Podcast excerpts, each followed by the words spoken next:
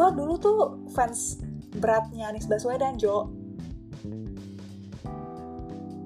Semua orang tuh butuh invest nih. Tapi semua orang nggak mesti ngerti finance. Gue tuh lebih setuju kalau lu chef lu tuh fokusnya uh, bikin masakan yang paling enak gitu kan. Gue sih sangat bisa membayangkan ya dalam lima tahun ke depan deposito tuh bakal jadi super irrelevant gitu. Halo guys, welcome to podcast 430, podcastnya anak muda Indonesia. Hari ini gue kedatangan seorang research analyst dari CLSA Indonesia. Dia juga adalah seorang CFA charter holder level 3. Dan tentunya dia adalah seorang content creator di Instagram dan juga YouTube dengan views yang sudah sampai jutaan. So langsung aja, Felicia Putri Ciasaka. Hai Vel. Hayo. Gimana kabarnya nih? Baik, baik. Thank you ya udah ngundang buat ngobrol-ngobrol di podcast lo. Iya, thank you juga udah mau ngobrol di podcast 430 ini ya. So, uh, kita langsung aja kali ya ke main apa discussionnya. Mungkin di awal kayak supaya audiens gue lebih kenal juga sama lo, kayak kita ngobrol-ngobrol tentang lo bentar nggak apa-apa kali ya. Boleh, boleh. Oke, okay. so kan orang-orang mungkin tahu lo ini dari Instagram ya, tahu lo dari YouTube. Nah, tapi mungkin orang belum tahu nih kayak perjalanan lo ngebangun dari nol tuh gimana sih? Kayak kenapa awalnya lo bisa mulai sharing gitu? Hmm, hmm. Sebenarnya tuh uh, jadi satu hari ya, cie satu hari itu di kayak tahun 2016 17 ya. Pas uh, gua jadi uh, gue lagi di mobil, lagi mau pergi ke clients, terus macet dan uh, salah satu senior gue yang sekarang di uh, sekuritas lain lah ya, dia tuh ngobrol gini kayak iseng-iseng aja kayak ngobrol Evel, lu tuh ngerasa gak sih kayak kerjaan kita itu uh, ngebantu orang kaya jadi lebih kaya, mm. gitu. Terus gue sejenak berpikir kan, um, soalnya kan kerjaan kita nih ngebantu manajer investasi untuk ngelola reksadananya gitu lah kan dan yang beli reksadana dulu tuh di 2016 17 tuh ya masih ya orang-orang kaya nasabah-nasabah prioritasnya bank lah gitu jadi in a way kita tuh ngebantu orang kaya uh, jadi lebih kaya gitu kan terus gue hmm. mikir kayak hmm iya mungkin benar tapi tapi mungkin bukan bukan salah kita gitu ya ya kenapa orang biasa dan orang yang tidak kaya itu nggak beli reksadana dan produk investasi. If they buy it, uh, sebenarnya produk itu dan kita malah ngebantu orang biasa untuk naik kelas gitu, untuk uh, naik level gitu lah kan. So, um, gue waktu itu mencoba untuk nggak nyalahin diri gue dulu dan dan dan nyoba apa yang gue bisa gitu. Uh, gue nyadar kayak gue nih um, suka ngobrol gitu lah. Gue emang emang kerjaan gue juga uh, gue sukanya ngobrol gitu dari dulu juga apa um, lomba-lomba pas sekolah SD SMP dulu tuh yang kayak musikalisasi puisi terus kayak berpidato storytelling gitu-gitu yang yang ngobrol gitu kayak gue tuh suka Public ngomong speaking. Mm -mm.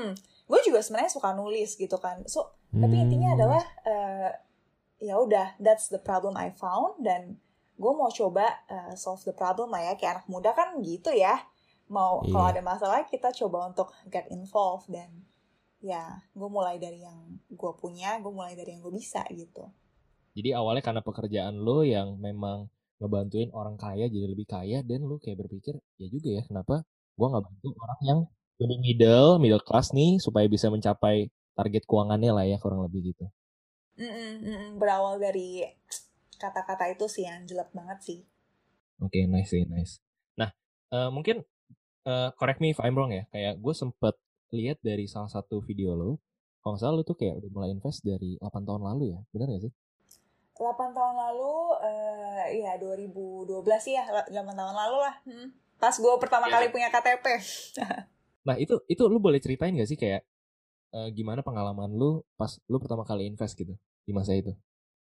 Kan banyak nih pendengar gue yang mungkin belum invest dan mungkin dia mau pertama kali invest nih kayak lu ceritain deh kayak mungkin gimana ya rasanya gitu?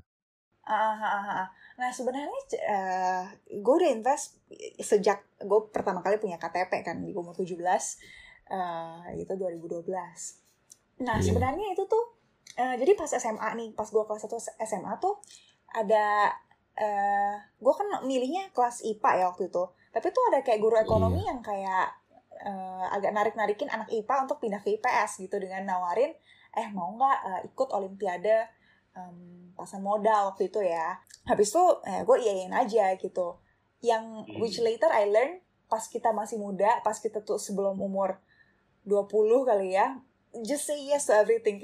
Kayak karena uh, nothing to lose nothing nothing wrong trying something new exploring something new gitu. Gue bilang aja iya gue mau gue mau coba uh, ikut olimpiade pasar modal nasional waktu itu.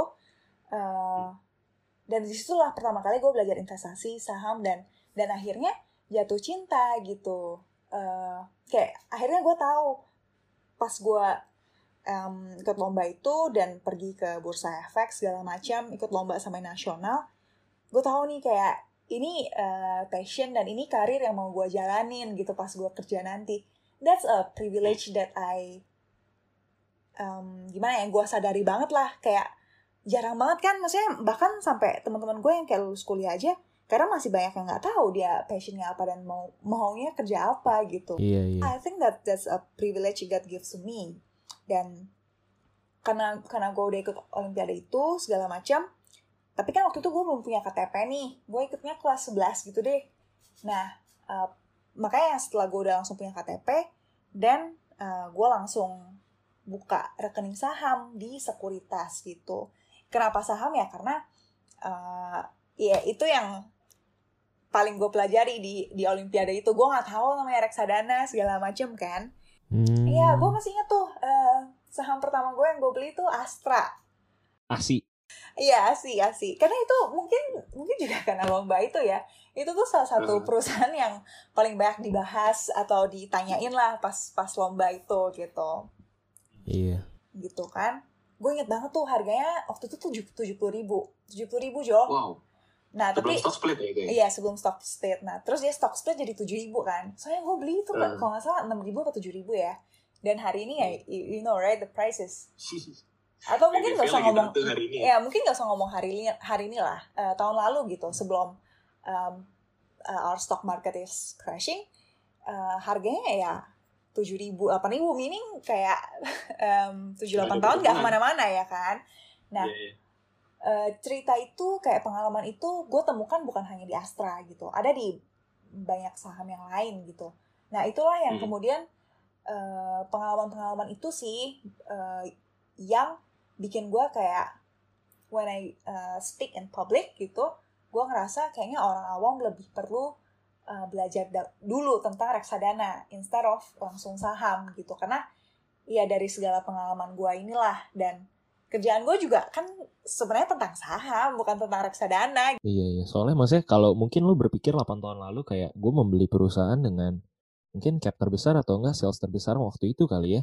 Dan lo pikir kayak ah aman nih duit gue tapi belum tentu gitu ya. Iya even itu Astra lo kan. Astra 8 tahun yang lalu ya eh as strong as today gitu kan. Iya yeah, iya yeah, yeah. tapi it's a lesson learned lah. Nah these days lu kan uh, gue sempat lihat ya kayak lu sharing soal CFA nah itu lu ngambil tiga consecutive years dan lu semuanya langsung level 1, level 2, level 3 lulus. Dan yang maksudnya orang-orang tahu lah ya kayak CFA itu passing grade-nya lu nggak susah gitu. Kayak maksudnya dari seribu dua ribu yang daftar mungkin yang masuk cuma berapa ratus gitu kan. Nah, itu lu boleh gak sih ceritain kayak gimana lu caranya bisa tiga tahun langsung babat gitu? Oke okay, uh, mungkin buat yang belum tahu CFA itu apa. Jadi CFA itu kan uh, singkatan dari uh, Chartered Financial Analyst tuh. Intinya itu tuh kayak sertifikasi yang um, prestigious banget sih di dunia investasi finance. gitu ya. Finance yeah. investasi lah uh, in in in particular gitu. Um, iya. Jadi uh, mungkin juga tips ya buat teman-teman yang kayak consider untuk ngambil sertifikasi nih uh, instead of apa ya kayak master atau MBA gitu-gitu kan. Nah mungkin uh, lu kan pasti sering dengar ya ada CFA ada CPA ada CFP atau segala macam. Dan teman-teman mungkin bingung kayak mana sih yang the best gitu atau mana sih yang uh, yang paling bagus lah gitu. Menurut gue sih nggak ada yang paling bagus paling susah atau segala macam ya. Walaupun orang su suka bilang CFA ini paling paling susah. Tapi menurut gue tuh kita harusnya pilih yang paling cocok gitu dengan industri kita ya take a look aja kayak di industri lu tapi make sure kayak that's a industry atau career yang lu mau tempuh gitu kan Iya. Uh, nah gue ambil hmm, sebenarnya ya kayak tuh begin with gue tuh orangnya nggak pintar-pintar banget sih Jo serius serius serius Masa sih? Teman-teman gue bilang lu kayak genius banget sih. Enggak, enggak. enggak serius. Kalau kalau menurut gue sendiri ya, kayak di antara teman-teman. Iya sih, kalau menurut gue tuh gue lebih orang yang uh, persistence gitu. Hmm. Iya, kayak yang pinter kayak sekarang tuh karena belajar bukan kayak naturally pintar gitu. Hmm, nah oleh karena itu, hmm, ya tapi lumayan kan. That's kalau kalau at least gue niat dan gue punya effort, that's something I can control gitu kan. Jadi uh, that's an added point gitu. Tapi gue juga tahu nih kayak kadang kalau gue ngadapin masalah-masalah baru, ya niat gue tuh mungkin kadang nggak cukup. Kan sebenarnya mungkin butuh otak yang naturally pinter juga kan. Nah oleh karena itu, uh, jadi di level 2 dan 3 tuh gue belajar bareng teman. Gue tiga-tiganya nggak ada Michael les. itu ya? Hmm, si Michael itu. Eh, teman juga ya, Jo? Enggak, enggak. Gue sempat lihat dari salah satu video lo doang sih. Oh, oke, oke. Lo di Prasmul juga bukan sih? Iya, tapi Michael itu angkatan berapa? Oh, eh, 2013 harusnya. Oh, gue 2018, jauh banget. Nah, anyway. Hmm. eh, ya itu, jadi gue quote-unquote memanfaatkan si Michael itu. Enggak lah. Karena dia tuh... Bareng. Iya, belajar bareng gitu. Eh, jadi gue nggak pernah ikut les sama sekali, Jo. Gue tuh cuma ya belajar bareng aja lah sama dia. Tapi belajar barengnya benar-benar belajar bareng dan intens gitu. Karena dia benar-benar yang naturally pinter kayak kayak misalnya pas mock exam kayak try out gitu ya. Gak ada yang lulus sama sekali, cuma dia doang yang lulus, Jo. Wow. Itu sebelum ujiannya ya? Itu sebelum ujiannya pas try out gitu kan yang diadain CFA-nya. Jadi Hmm. ya udahlah gue ini banget. ya maksudnya eh, Apa ya? Iya, tapi sih sebenarnya eh, ini juga mungkin applicable nggak hanya di CFA ya, tapi juga in in bigger context kali ya. Jadi setiap kali kita punya mimpi itu, menurut gue tuh jangan jangan berjuang sendiri gitu, jangan kayak pusing-pusing sendiri, tapi tuh cari teman gitu untuk untuk lo bagi beban gitu, untuk lo eh, bagi perspektif lah. Itu sih. Hmm. Uh, dan juga that's why pas gue mulai YouTube channel, I have a choice to start alone gitu kan. Tapi Yep. gue punya tim, dan maksudnya tim ini tuh kayak ya teman-teman aja gitu kayak mau nggak bantuin. Nanti kalau misalnya uh, puji Tuhan kita punya apa endorse atau sponsor gitu nanti kita bagi rata gitu kan. Nah sebenarnya itu yang gue sadari itu yang um, gimana ya? Itu yang kasih gue alasan untuk gue terus ngelanjutin kayak mereka tuh seneng, Hmm. kita tuh kayak seneng banget dapet em, kayak duit dari sponsor pertama gitu lah ya waktu itu kecil banget nilainya tapi kayak kita seneng banget dan itu yang bikin gue terus mau lanjut gitu sih karena kalau gue stop kan eh ya ibarat kayak gue bukan hanya stop mimpi gue tapi juga stop Mimpi orang lain. iya mimpi orang lain gitu kan jadi itu sih kalau kita ngelakuin apa-apa ajak teman gitu untuk bagi beban So kalau kayak sejauh perjalanan hidup lu nih Vel ya. gue penasaran kayak siapa orang yang paling berpengaruh gitu. Nah sebenarnya jawaban pertanyaan itu agak susah karena sesungguhnya ya kayak hmm, gak ada satu figur yang gue adore banget nih ya Oke. Eh, karena mungkin karena gue punya pengalaman buruk ya dulu di tahun berapa ya Em, itu yang konvensi Partai Demokrat tuh tahun berapa tuh 2013-14 Mm-mm. gue dulu tuh fans beratnya Anies Baswedan Jo Oh, sumpah. Sumpah. Kok bisa? sumpah banget iya itu dulu pas dia masih Indonesia mengajar kan super inspiratif Jo. Nah waktu itu dia dia Mhm. bikin itu em, Indonesia mengajar. Terus eh, dia kan mau ikut konvensi Partai Demokrat kan biar bisa ikut apa Pilpres 2014 tuh. Dia bikin kayak apa relawan gitulah turun tangan. Oh gue tuh itu tuh ikut tuh kayak ada bajunya gue tuh ada apa stikernya juga ada. Gue juga bagi-bagian Iya. eh, brosurnya waktu itu gitu misalnya gue langsung ngefans itu sama dia dan waktu itu dia akhirnya kan bantu Jokowi ya. Gue sampai download apa pidatonya untuk ngebantu Jokowi tuh dan gue kayak masukin playlist gitu loh. Dan di perpus gue suka dengerin. Kayak Hmm. ya waktu itu gue ngefans itu lah sama dia kan. Um, only then kayak maybe we are all get disappointed gitu kan. Mm-mm. Uh, tapi sih kayak sampai hari ini pun walaupun ya gue disappointed sama dia um, cuma menurut gue sih tetap ada yang bisa dipelajari sih dari dia kayak dia dia communication skillnya Iya. tuh ter- tetap menurut gue kayak jago banget terlepas Hmm. daripada itu ya beneran apa om Do doang kan.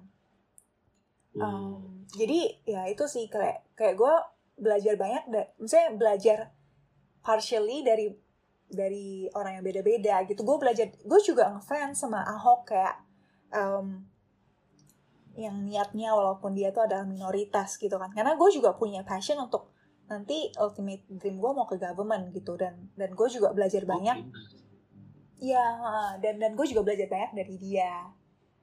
Macem-macem lah. Tapi kalau eh, pinpoint satu, sejujurnya tuh nggak ada sih, Jo. Oke oke oke. Tapi nice banget ya, lu punya dream untuk mungkin ini nyambung sih ya ke pertanyaan gue selanjutnya kayak berarti kalau bisa nggak gue simpulin bahwa target lo yang belum lo tercapai itu ya lo pengen jadi orang government gitu ya, benar nggak? Iya, em, iya, belum dan belum saatnya untuk tercapai sih, gitu. Hmm. Eh, karena sebenarnya tuh eh, ini ya kayak mungkin juga eh, cara gue tuh dari kecil bermimpi tuh gue suka apa asal aja nyebut gitu loh. Misalnya kalau kita punya mimpi terus sebutin aja gitu dan lo nggak usah takut sebut mimpi. Gue dulu inget banget pas kecil tuh gue pernah bilang ah gue mau sekolah ke Kairo gitu. Kayaknya karena gue nonton eh, film ayat-ayat cinta gitu ya, se- serandom itu. Em, gue juga pernah bilang gue mau sekolah psikolog, gue mau sek- sekolah hukum, kayak sembarangan aja sebut gitu kan.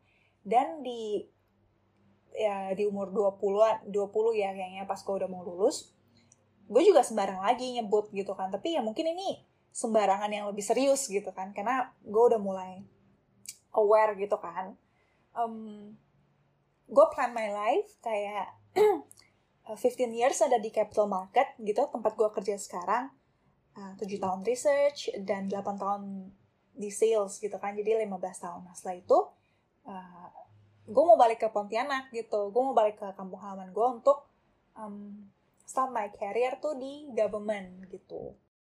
Oh nice nice. dan gue mau mulai dari dari my my own hometown gitu lah. Dan Mm-mm. pastinya nanti um, national level gitu kan. Ya tapi itu sembarang sebut yang yang sampai sekarang ya kayaknya itu uh, so far masih my dream gitu. Keren keren sih, lo berani apa untuk nge-lay down kayak lo punya mimpi itu dan nice sih, nice banget. Jarang sih orang yang mau kayak hometown government jarang ya Oke, so eh, kita lanjut ke pertanyaan yang lebih ke menjorok ke finance dan investment lah ya. Mungkin ini pertanyaan yang banyak banget yang tanyain juga kayak di tengah pandemi sekarang ini sebenarnya dari sudut pandang lo nih, Vel, kayak apa sih investasi terbaik gitu di masa sekarang? investasi itu kan sebenarnya agak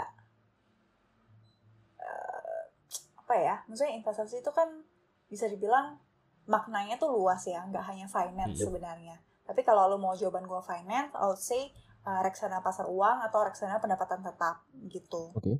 tapi menurut gue investasi tuh lebih dari itulah kayak uh, makna dan konteksnya gitu I think uh, the best investment you can make as a person gitu ya Ya, itu ya. investasi di diri lu uh, in term of kayak increasing your skill gitu lo misalnya kayak coba ya awalnya lo nggak punya skill sekarang lo punya Ya. skill dan skill lu bisa ngasilin lu let's say satu juta aja dari nol ke satu juta itu kan berapa rat- ratus Right. ribu persen ya kan what investment Mhm. can give you that that such uh, big return gitu Nice, nice, nice, nice. kayak saham aja sih seribu lah seribu persen tapi kalau lu invest di skill dari nol lu bisa ke puluhan ratusan juta gitu kan kalau lu invest uh, benar-benar gitu belajarnya benar-benar Iya. jadi I think di masa pandemi ini di mana kita semua tuh banyak bosan ya kayaknya kalau gue lihat di social media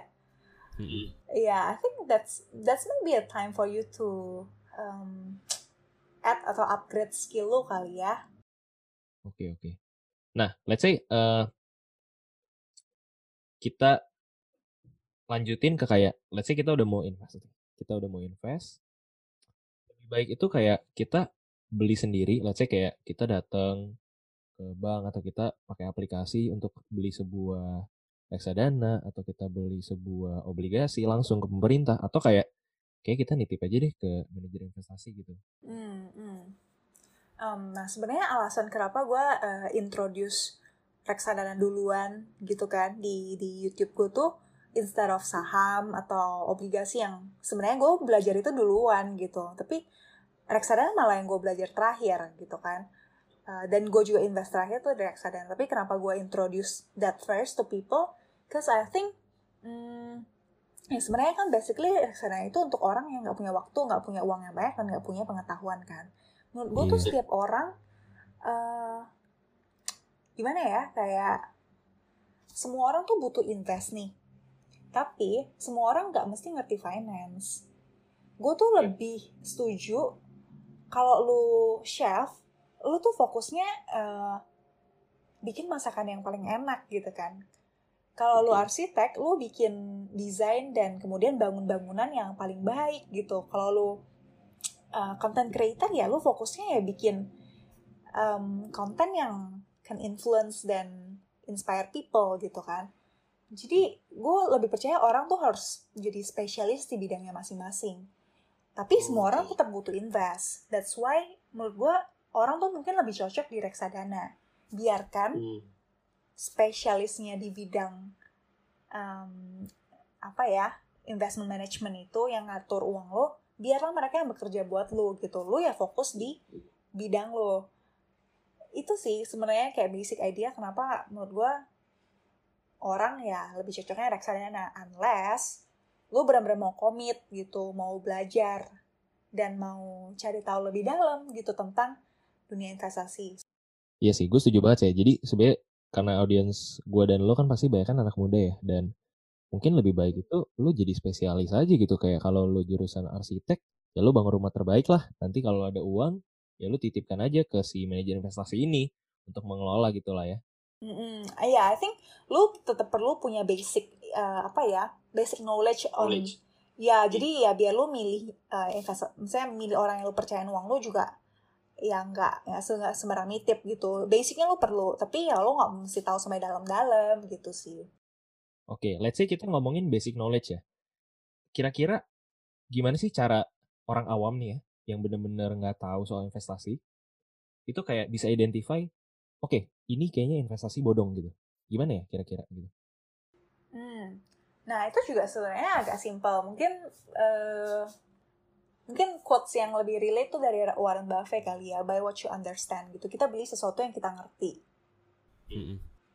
em, ya itu kalau misalnya ya ketika lu mau beli suatu produk investasi kan produk kan banyak banget kan sekarang yang uh, berbungkus-bungkus atau yang entah seperti apa bentuknya tapi ketika lu ditawarin itu dan eh, apa ketika lu ditawarin itu lu tanya kayak how it works? Kayak gimana uang lu diputar? Itu aja sih simple. Kayak ya kan? Kayak Iya, iya. gimana ya, mereka muterin uang lu? Kalau lu ngerti bener lu ngerti ya udah that's fine gitu. Berarti at least you put uh, your money into something you understand. Oke sih. Eh, soalnya kan kayak these days ya, gue ngelihat banyak banget ya kasus-kasus yang di, lagi dinaikin nih di media kayak soal investasi bodong kan. Dan nama-namanya itu juga bukan nama-nama yang ece-ece gitu loh. So kayak kalau kita nggak bisa trust the big player kayak gimana gitu ya. Kayak orang kan tahu brandnya, oke lah ini kayak namanya cukup ada, aume gede.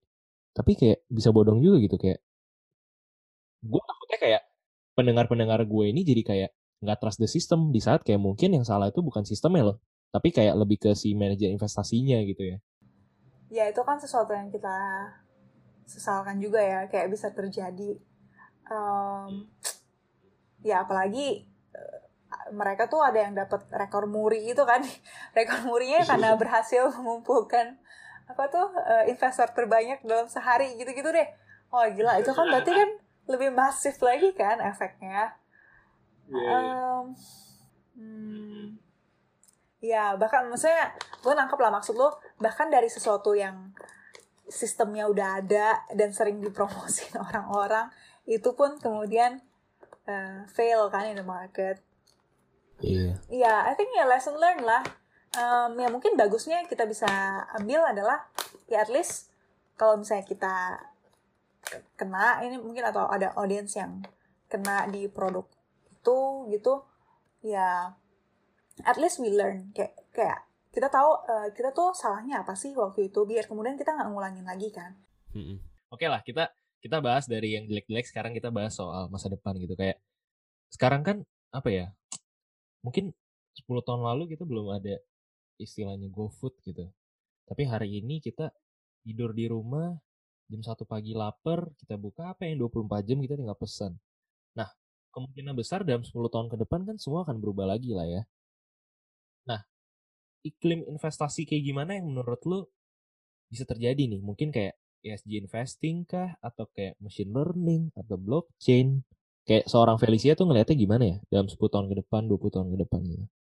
Hmm. Oke, okay, uh, eh, kalau ESG segala macam blockchain tuh mungkin udah terjadi di di negara kayak di negara luar tuh ESG tuh benar-benar udah terjadi gitu. That's why kayak saham-saham batu bara, saham-saham sawit gitu tuh yang Indo punya dibuang-buangin tuh sama mereka itu efek dari ESG investing kan buat Indo. Oh. Nah, uh, sebenarnya mungkin gue nggak tahu ini relate apa enggak ya, tapi uh, di industri gue sekarang ini teknologi tuh benar-benar um, quote unquote kayak kill us karena uh, dengan adanya algoritma, dengan adanya kayak machine learning itu uh, akhirnya tuh orang mulai beralih ya dari active ke passive investing sih. Oke. Okay dari awalnya reksadana yang aktif sekarang jadi reksadana indeks aja gitu karena ya memang kalau um, data tuh ya data uh, memang sejarah tuh nunjukin bahwa dari manajer investasi ini di seluruh dunia tapi ini ya sampel lah ya ada studi yeah. gitu. Um, 90% eh 97% tuh kalah sama indeksnya gitu. They they cannot hmm. beat the index. Padahal kan uh, manajer investasi apalagi yang active investing aktif tuh artinya dia milih sendiri kan kayak isi reksadanya itu apa gitu kan. Nah mereka cannot beat the index gitu so uh, dan dan investor kan milih um, mikir kan kayak kan gue bayar lo lebih ya management fee yang gue kasih ke lo itu lebih. Ya biar lo bisa beat the market. Kalau 97% dari lo pada nggak bisa dan iya kenapa gue nggak beli indeksnya aja? And that's why kayak di luar negeri kayak ETF uh, and index fund tuh sangat-sangat rising gitu dan udah rising banget sih ya. rising ya. banget uh, dan hmm. dan ya yeah, I think it's only a matter of time for Indo sih untuk kayak gitu ya dan itu kan hmm. oh berarti kalau kalau di industri gue ya capital market gitu sekarang kayak ini uh, kalau orang beli reksadana indeks berarti fee yang dia bayar ke manajer investasi juga turun kan setuju nah kalau gitu uh, fee yang manajer investasi kayak komisi yang manajer investasi bayar ke broker-broker atau sekuritas kayak kita juga pasti turun dan dan udah turun gitu.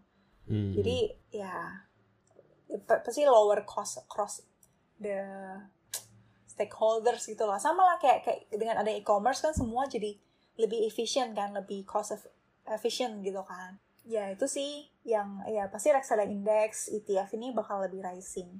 Tapi mungkin kalau yang lebih uh, apa ya lebih relate untuk consumer atau untuk audience hmm. gitu ya menurut gue gue sih sangat bisa membayangkan ya dalam lima tahun ke depan deposito tuh bakal jadi super irrelevant gitu. Why?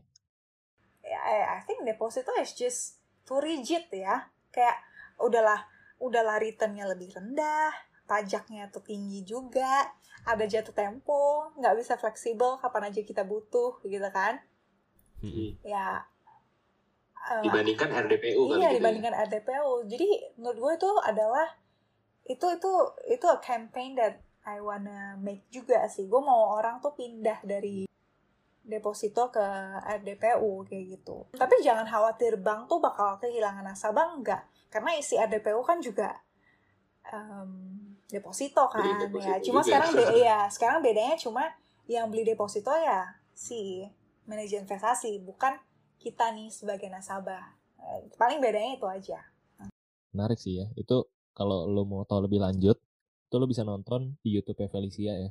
Gue lupa judulnya apa ya, Vel? Kayak lo sempat ngebahas soal itu juga. ya.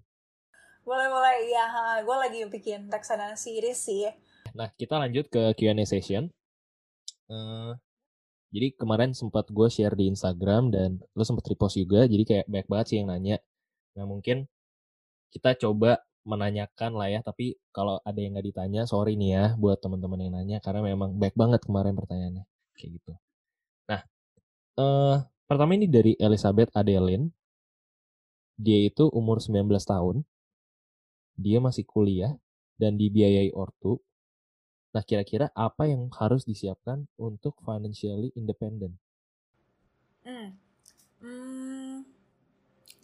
Oke, nah mungkin ini juga eh, yang gue temuin ya, kayak orang tuh suka salah langkah gitu. Orang tuh kayak ngebet, mungkin karena kita masih muda ya, jadi agresif, lebih sukanya investasi gitu kan, yang returnnya lebih tinggi. Jadi orang tuh suka loncat invest dulu nih, eh gue invest apa ya, padahal sebenarnya kalau dalam dunia financial planning gitu ya. Gue sih sebenarnya nggak belajar di CFA nih, tapi karena apa bikin YouTube segala macam, terus denger-denger dari banyak orang belajar juga. Sebenarnya tuh ada em, kayak piramidanya gitu lah. Kayak mungkin lu mungkin tahu kayak apa five level of needs yang Maslow itu karena ini juga kalau di- iya. ya kan Eh, nah kalau eh, agak mirip-mirip sama itu jadi kalau di keuangan tuh sebenarnya sebelum lu in- invest tuh level ketiga jadi level pertama tuh dana darurat itu sih Jo Itu dana darurat. Iya jadi buat lu pada yang mungkin masih kuliah gitu kan eh, mulai aja dari ngumpulin dana darurat. Jadi eh, kalau ya gue sih prinsipnya kalau kita tuh nggak bisa ngebantu orang lain belum bisa ngebantu ya at least kita jangan ngerepotin orang lain nih. Dana darurat itu tuh pertama nih yang harus lu siapin. Dana darurat ya kalau misalnya audiensnya ini kan mungkin masih belum menikah kan Iya. ya biasanya enam kali dari pengeluaran bulanan. Misalnya lu pengeluarannya. 3 juta per bulan kali kali 6 18 juta. 18 juta tuh harus ada di bank. Nah 18 jutanya ini dana darurat yang lo harus punya biasa gue tuh um, 9 jutanya lu taruh di RDPO reksadana pasar uang untuk lu optimize. Tapi setengah tetap tetap wajib lu taruh di tabungan gitu karena nggak ada yang bisa secair tabungan. Oke, so dan darurat itu sekitar 6 bulan expense lu, Mm-mm. 6 bulan expense lu, terus let's say 3 juta kali 6, 18. Setengahnya boleh lu taruh RDPU, setengahnya tabungan biasa ya. Mm, tabungan di bank tuh wajib banget tuh nggak boleh semuanya lu taruh di RDPO maksimal cuma 50% ya boleh lu optimize Oke. Next levelnya, Nah, next levelnya ketika lo udah selesai dana darurat tuh, baru lo harus eh, sebenarnya asuransi dulu nih sebelum investasi gitu. Karena kalau kita sakit apa apa awal tahun kemarin gue sempet tuh demam berdarah kan kayak lima empat lima hari di rumah sakit tuh udah berapa ya hampir 20 gitu jadi coba lo bayangin ya lo investasi capek-capek nih atau ngumpulin uang tapi karena lo sakit ya kalau lo nggak ada asuransi 20 juta tuh bisa hilang tuh so health insurance ya. Iya, iya. Eh, jadi kalau insurance, kalau menurut gue ya, insurance tuh gue urutin tuh pertama kesehatan, baru penyakit kritis, baru asuransi jiwa menurut gue sih itu ada ada ceritanya juga. Tapi ya simpelnya kayak gitu baru. Setelah lu punya asuransi, ya Ya. baru kita mau ngomongin investasi gitu. Itu level 3 nih. Mm, level 3, level 4, 5 nya sih nanti lah itu itu kalau misalnya eh, udah kaya gitu Jo. Oke lah, jadi buat teman-teman yang apa, maksudnya masih relatif muda, fokus ke 1, 2, 3 itu dulu lah ya. Mm-mm, dana darurat, asuransi, baru investasi. Sebenarnya sih Jo, kalau gue sendiri juga, gue langsung loncat sih. Maksudnya, gue dulu nggak tahu dana darurat tuh apa ya kan. tapi uh, yeah, yeah. yeah. gue punya uang di tabungan dan banyak gitu malah kebanyakan gitu ya akhirnya Iya. gue mengerti oh dana darurat tuh segini doang jadi ya misalnya kebanyakan uang di tabungan tuh juga nggak bagus artinya uang lo nggak optimal kan Oke. Nah, terus eh, ini juga ada pertanyaan dari Hadrian ALS. Eh, dia nanyanya, Kak, bagusan cari capital gain atau dividen? Mungkin eh, capital gain atau cash flow kali ya, kayak maksudnya dividen gitu. Mm-mm, mm-mm. Hmm. sebenarnya agak dilema juga ya jawabnya karena hmm, karena kalau lu cari capital gain itu biasanya lebih agresif Oke. dividen itu kan atau cash flow kan berarti eh, pasti-pasti gitu kan. Sebenarnya konteksnya tuh gini, pas kita muda kita tuh maksimalkan eh, capital gain gitu ya. Tapi ya kadang capital gain kan bisa juga jadi capital loss kan. Say good scenario kita bisa dapat capital gain. Pas muda kita tuh maksimalkan kita bisa dapat capital gain karena itu yang lebih cepat gitu kan. Kayak apa? Iya. pertumbuhannya tuh lebih cepat daripada sesuatu yang fix cash flow gitu. Nah, Iya, iya. nanti ketika kita udah lebih berumur, ini tuh teorinya sih sebenarnya. Eh, ketika Iya. mungkin kita udah umur 40-an kali ya, ketika kita udah lebih settle, kita nggak mau lagi yang terlalu agresif, dan ketika itu uang kita udah banyak. Oke sih, mungkin ini pertanyaan terakhir kali ya dari Vanessa Selave. Dia nanya gimana cara kakak find that work-life balance antara kerja, creating content, dan juga social life. Hmm. Hmm. Mana ya? Eh, ya, I think yang dia apa sebut di sini kan kerja, eh, creating content sama social life itu kan ya dia sendiri udah membagi itu ke tiga hal kan. Kayak kita semua manusia kan Hmm. ya kasih 24 jam dan sebenarnya dibagi tiga kan itu 8 jam kerja 8 jam istirahat dan 8 jamnya lagi um, kita bisa ngelakuin yang lain kan either rebahan either ya masak-masak either um, upgrade skill baru gitu kan terserah kita kan 8 jam sisanya ini kan Iya. Ah, dan 8 jam sisanya itu dalam setahun tuh kayak sepertiga hidup kita sebenarnya sepertiga hidup kita tuh kita bisa itu itu yang akan nentuin kita Wow. tuh bakal jadi orang yang biasa-biasa aja atau jadi orang yang beda gitu kan. This is this is uh, going into content creation um, dan dunia social media ini um, I see an investment for me in, for the next kayak 10-15 years gitu Jo. Itu sih. Kayak tahu um, Oke. gi- ya gimana lo bisa uh, find a work life balance ya lo mesti tahu motifnya gitu dan nggak akan ngerasa kerja kok kalau misalnya kita benar-benar do this for what we like gitu ya Oke deh ya. Thank you for your time. Hari ini kita udah belajar banyak banget dari Feli. Thanks udah eh, mau ngobrol-ngobrol di podcast 430. Semoga Feli dan keluarga terus di keadaan yang sehat. amin Nah, buat teman-teman yang udah dengerin episode ini, jangan lupa buat post di Instastory kalian apa nih yang kalian dapat dari episode kali ini. Nah, jangan lupa juga buat tag at Felicia Putri Ciasaka dan tag gue juga di at Jonathan Marcelius. Nah, kalau lo belum follow dan lo belum subscribe, lo boleh nonton video-videonya Feli di YouTube. Dia juga share di Instagram juga, namanya sama Felicia Putri Ciasaka. Di situ dia banyak eh, bahas topik-topik mengenai personal finance. Nah, kalau gitu, thank you for uh, your attention. Uh, see you on the next episode, guys. Bye bye.